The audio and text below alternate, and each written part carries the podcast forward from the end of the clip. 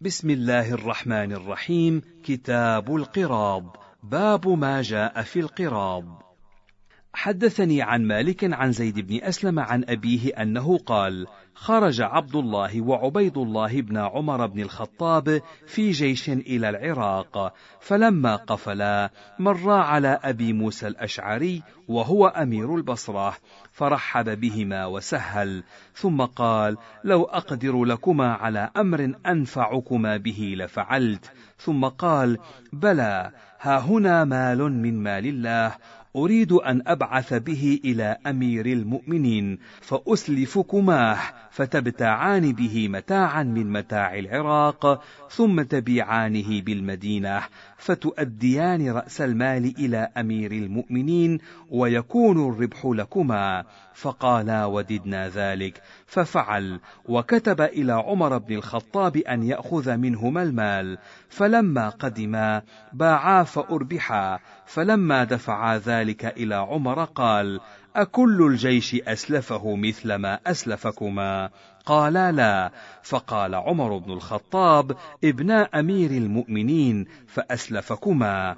أدي المال وربحه فأما عبد الله فسكت وأما عبيد الله فقال ما ينبغي لك يا أمير المؤمنين هذا لو نقص هذا المال أو هلك لضمناه فقال عمر أدياه فسكت عبد الله وراجعه عبيد الله فقال رجل من جلساء عمر يا أمير المؤمنين لو جعلته قراضا فقال عمر قد جعلته قراضا فأخذ عمر رأس المال ونصف ربحه وأخذ عبد الله وعبيد الله بن عمر بن الخطاب نصف ربح المال. وحدثني عن مالك عن العلاء بن عبد الرحمن عن أبيه عن جده أن عثمان بن عفان أعطاه مالا قراضا يعمل فيه على أن الربح بينهما. باب ما يجوز في القراض.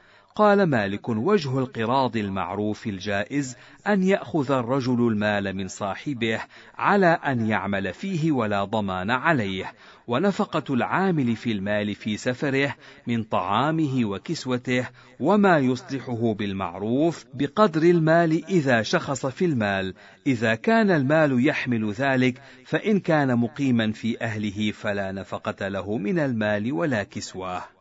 قال مالك ولا بأس بأن يعين المتقارضان كل واحد منهما صاحبه على وجه المعروف إذا صح ذلك منهما.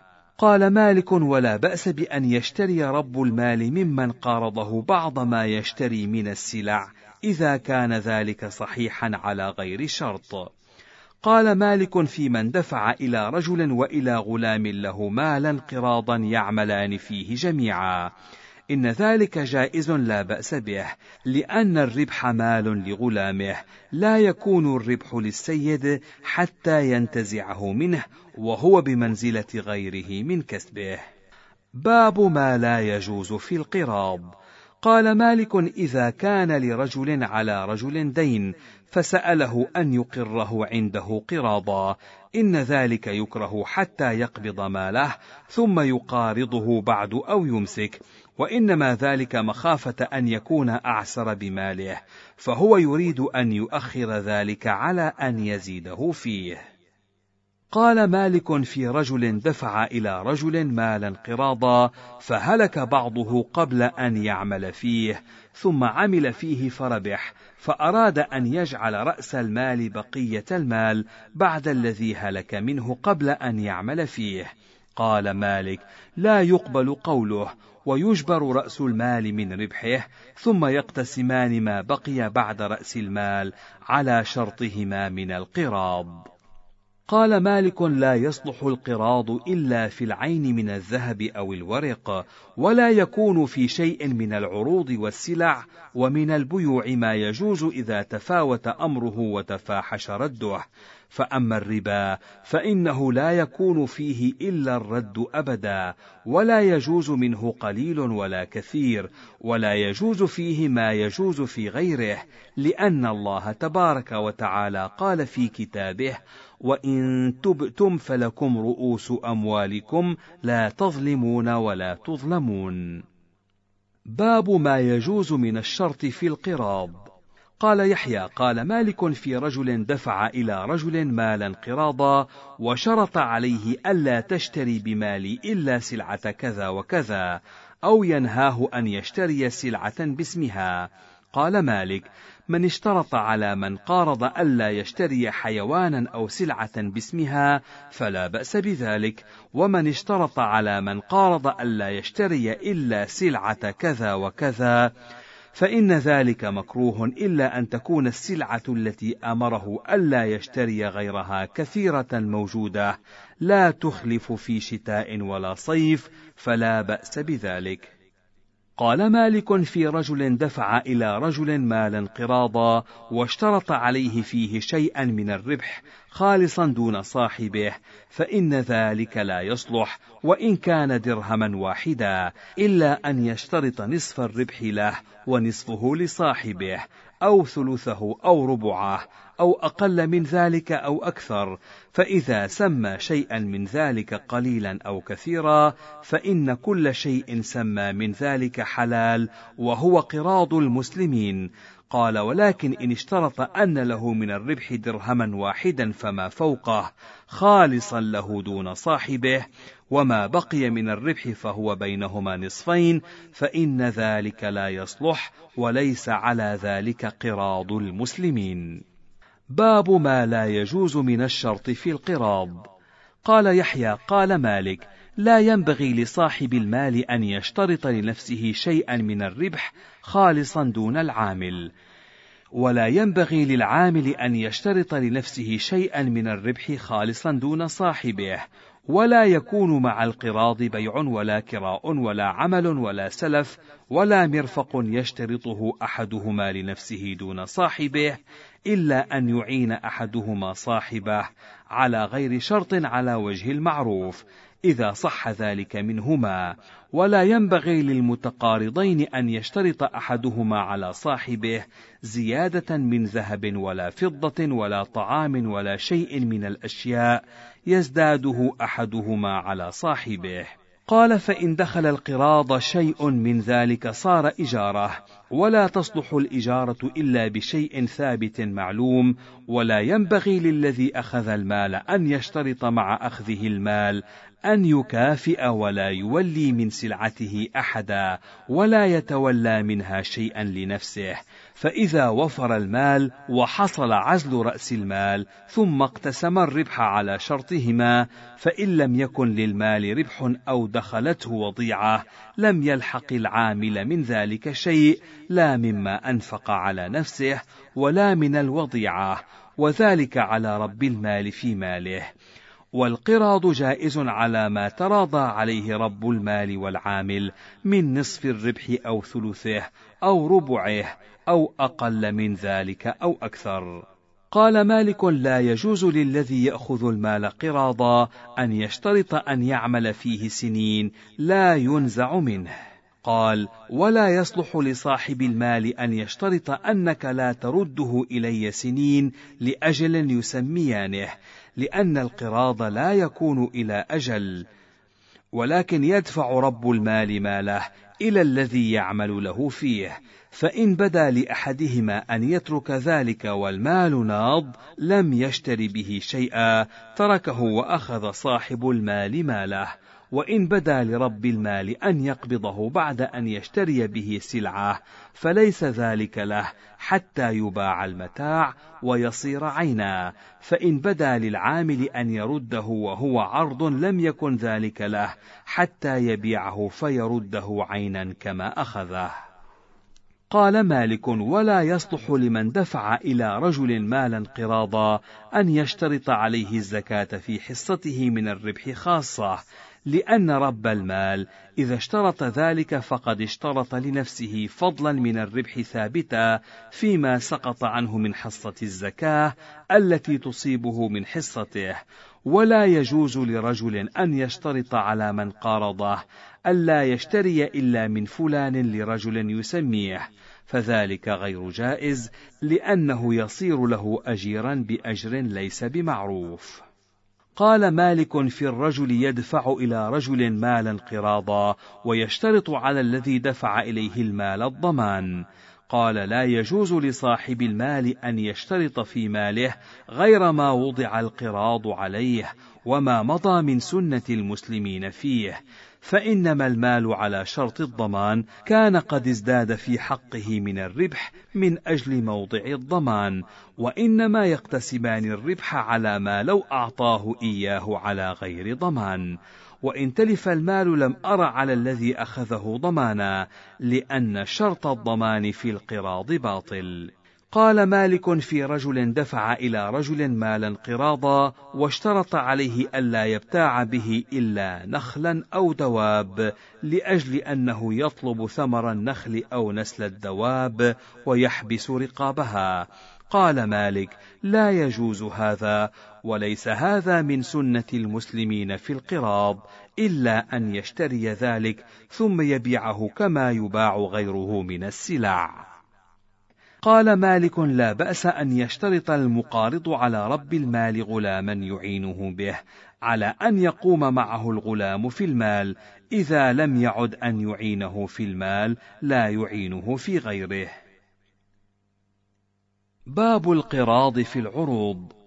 قال مالك لا ينبغي لأحد أن يقارض أحدا إلا في العين لأنه لا تنبغي المقارضة في العروض لأن المقارضة في العروض إنما تكون على أحد وجهين إما أن يقول له صاحب العرض خذ هذا العرض فبعه فما خرج من ثمنه فاشتري به وبع على وجه القراض.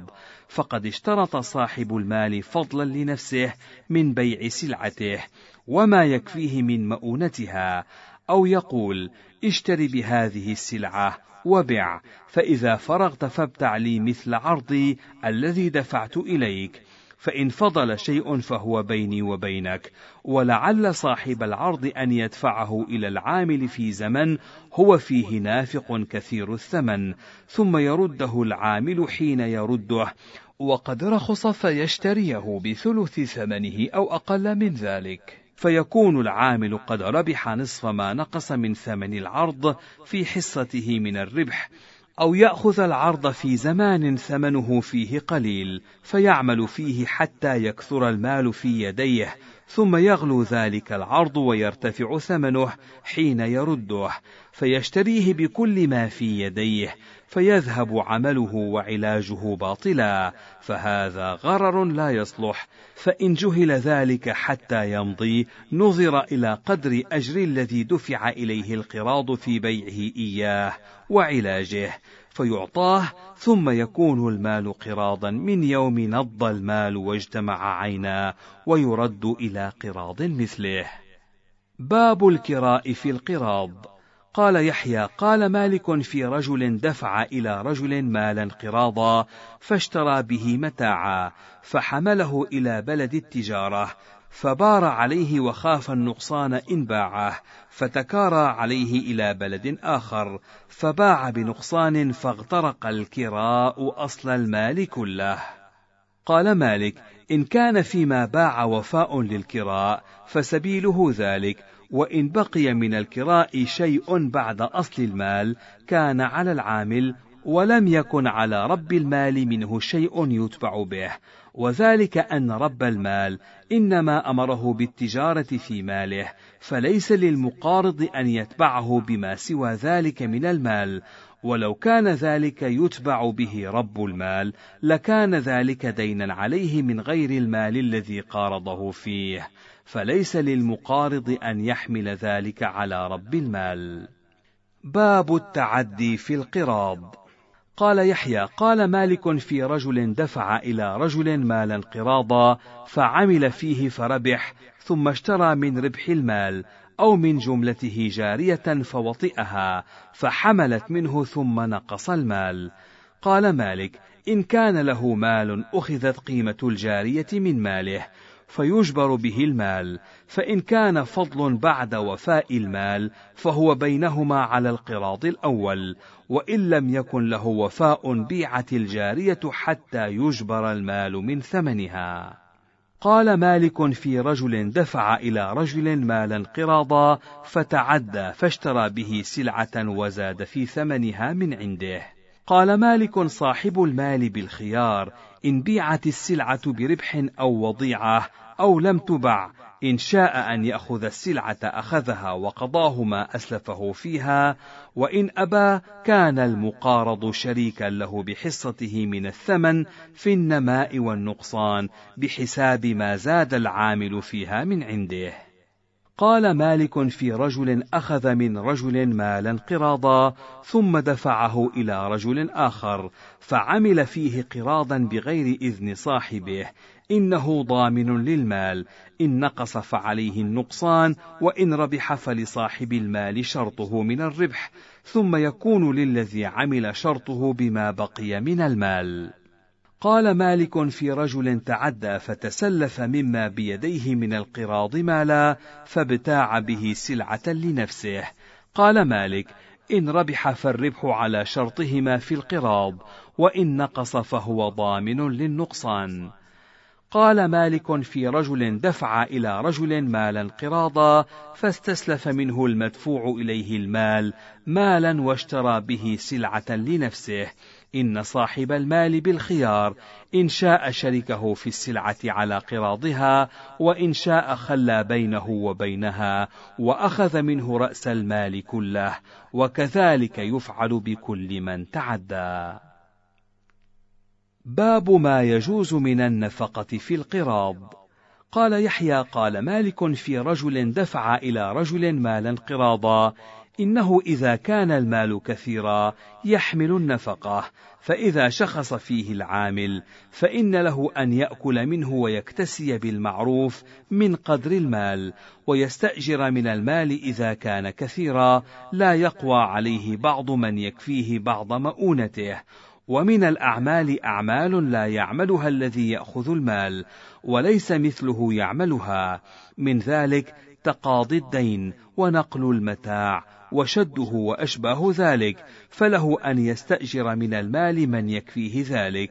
وليس للمقارض أن يستنفق من المال ولا يكتسي منه ما كان مقيما في أهله.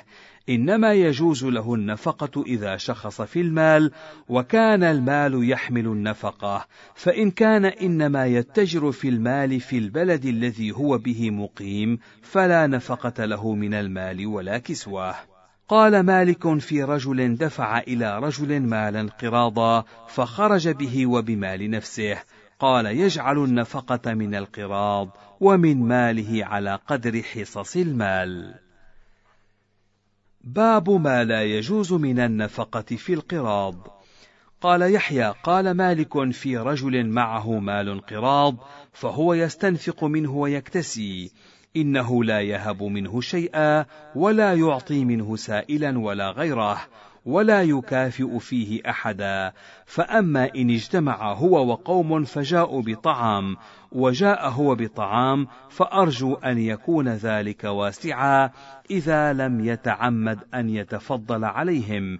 فإن تعمد ذلك أو ما يشبهه بغير إذن صاحب المال فعليه أن يتحلل ذلك من رب المال. فإن حلله ذلك فلا بأس به وإن أبى أن يحلله فعليه أن يكافئه بمثل ذلك إن كان ذلك شيئا له مكافأة. باب الدين في القراض.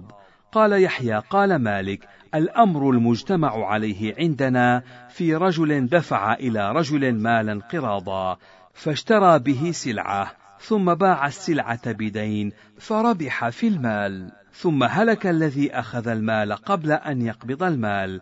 قال إن أراد ورثته أن يقبضوا ذلك المال وهم على شرط أبيهم من الربح فذلك لهم إذا كانوا أمناء على ذلك. فإن كرهوا أن يقتضوه وخلوا بين صاحب المال وبينه لم يكلفوا أن يقتضوه ولا شيء عليهم ولا شيء لهم إذا أسلموه إلى رب المال. فإن اقتضوه فلهم فيه من الشرط والنفقة مثل ما كان لأبيهم في ذلك هم فيه بمنزلة أبيهم.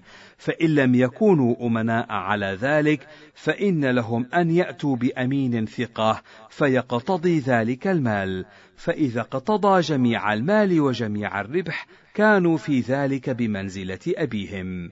قال مالك في رجل دفع إلى رجل مالا قراضا على أنه يعمل فيه فما باع به من دين فهو ضامن له إن ذلك لازم له إن باع بدين فقد ضمنه.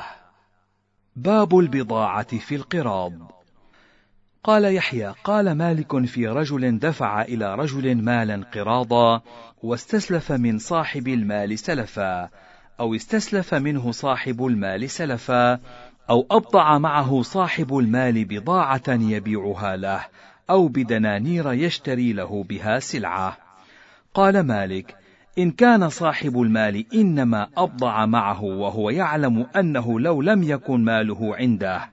ثم سأله مثل ذلك فعله لإخاء بينهما أو ليسارة مؤونة ذلك عليه. ولو أبى ذلك عليه لم ينزع ماله منه. أو كان العامل إنما استسلف من صاحب المال أو حمل له بضاعته وهو يعلم أنه لو لم يكن عنده ماله فعل له مثل ذلك ولو أبى ذلك عليه لم يردد عليه ماله. فإذا صح ذلك منهما جميعا وكان ذلك منهما على وجه المعروف ولم يكن شرطا في أصل القراض فذلك جائز لا بأس به. وإن دخل ذلك شرط أو خيف أن يكون إنما صنع ذلك العامل لصاحب المال ليقر ماله في يده أو إنما صنع ذلك صاحب المال لأن يمسك العامل ماله ولا يرده عليه فإن ذلك لا يجوز في القراض وهو مما ينهى عنه أهل العلم.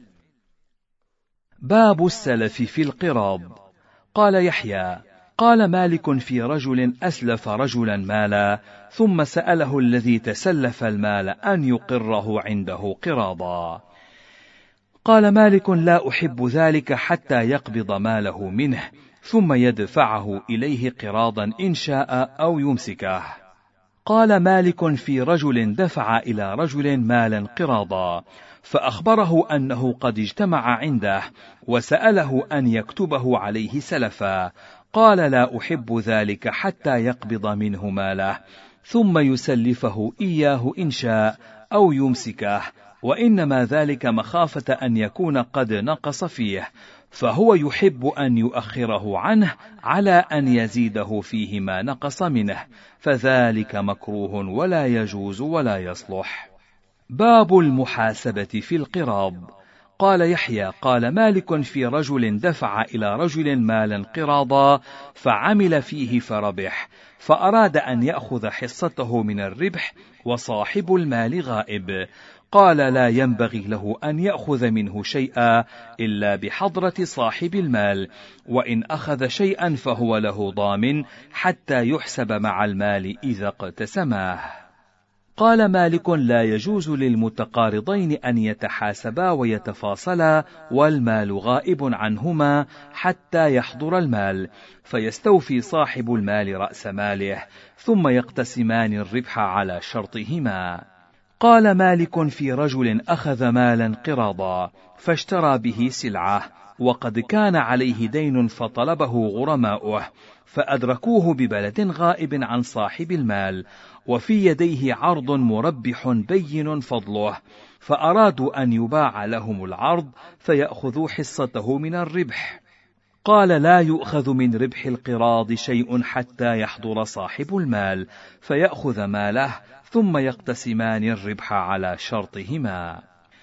قال مالك في رجل دفع إلى رجل مالا قراضا فتجر فيه فربح ثم عزل رأس المال وقسم الربح فأخذ حصته وطرح حصة صاحب المال في المال بحضرة شهداء أشهدهم على ذلك. قال لا تجوز قسمة الربح إلا بحضرة صاحب المال وإن كان أخذ شيئا رده حتى يستوفي صاحب المال رأس ماله ثم يقتسمان ما بقي بينهما على شرطهما. قال مالك في رجل دفع إلى رجل مالا قراضا فعمل فيه فجاءه فقال له هذه حصتك من الربح وقد أخذت لنفسي مثله ورأس مالك وافر عندي. قال مالك لا أحب ذلك حتى يحضر المال كله فيحاسبه حتى يحصل رأس المال ويعلم أنه وافر ويصل إليه. ثم يقتسمان الربح بينهما ثم يرد إليه المال إن شاء أو يحبسه وإنما يجب حضور المال مخافة أن يكون العامل قد نقص فيه فهو يحب أن لا ينزع منه وأن يقره في يده. باب جامع ما جاء في القراض. قال يحيى قال مالك في رجل دفع إلى رجل مالا قراضا فابتاع به سلعة فقال له صاحب المال بعها. وقال الذي أخذ المال لا أرى وجه بيع. فاختلفا في ذلك. قال لا ينظر إلى قول واحد منهما ويسأل عن ذلك أهل المعرفة والبصر بتلك السلعة فإن رأوا وجه بيع بيعت عليهما وإن رأوا وجه انتظار انتظر بها. قال مالك في رجل أخذ من رجل مالا قراضا فعمل فيه ثم سأله صاحب المال عن ماله فقال هو عندي وافر فلما آخذه به قال قد هلك عندي منه كذا وكذا لمال يسميه وإنما قلت لك ذلك لكي تتركه عندي. قال لا ينتفع بإنكاره بعد إقراره أنه عنده ويؤخذ بإقراره على نفسه إلا أن يأتي في هلاك ذلك المال بأمر يعرف به قوله فإن لم يأت بأمر معروف أخذ بإقراره ولم ينفعه إنكاره. قال مالك وكذلك أيضا لو قال ربحت في المال كذا وكذا فسأله رب المال أن يدفع إليه ماله وربحه فقال ما ربحت فيه شيئا وما قلت ذلك إلا لأن تقره في يدي فذلك لا ينفعه ويؤخذ بما أقر به إلا أن يأتي بأمر يعرف به قوله وصدقه فلا يلزمه ذلك. قال مالك في رجل دفع إلى رجل مالا قراضا فربح فيه ربحا فقال العامل قارضتك على أن للثلثين. وقال صاحب المال قارضتك على أن لك الثلث. قال مالك القول قول العامل وعليه في ذلك اليمين إذا كان ما قال يشبه قراض مثله. وكان ذلك نحوا مما يتقارض عليه الناس. وإن جاء بأمر يستنكر ليس على مثله يتقارض الناس لم يصدق ورد إلى قراض مثله. قال مالك في رجل أعطى رجلا مئة دينار قراضا فاشترى بها سلعة ثم ذهب ليدفع إلى رب السلعة المئة دينار فوجدها قد سرقت فقال رب المال بع السلعة فإن كان فيها فضل كان لي وإن كان فيها نقصان كان عليك لأنك أنت ضيعت وقال المقارض بل عليك وفاء حق هذا إنما اشتريتها بمالك الذي أعطيتني. قال مالك يلزم العامل المشتري أداء ثمنها إلى البائع ويقال لصاحب المال القراض إن شئت فأدي المئة الدينار إلى المقارض والسلعة بينكما وتكون قراضا على ما كانت عليه المئة الأولى. وإن شئت فابرأ من السلعة فإن دفع المئة دينار إلى العامل كانت قراضا على سنة القراض الأول. وإن أبى كانت السلعة للعامل وكان عليه ثمنها. قال مالك في المتقارضين إذا تفاصلا فبقي بيد العامل من المتاع الذي يعمل فيه خلق القربة أو خلق الثوب أو ما أشبه ذلك. قال مالك كل شيء من ذلك كان تافها لا خطب له فهو للعامل ولم أسمع أحدا أفتى برد ذلك وإنما يرد من ذلك الشيء الذي له ثمن وإن كان شيئا له اسم مثل الدابة أو الجمل أو الشاذكونة أو أشباه ذلك مما له ثمن فإني أرى أن يرد ما بقي عنده من هذا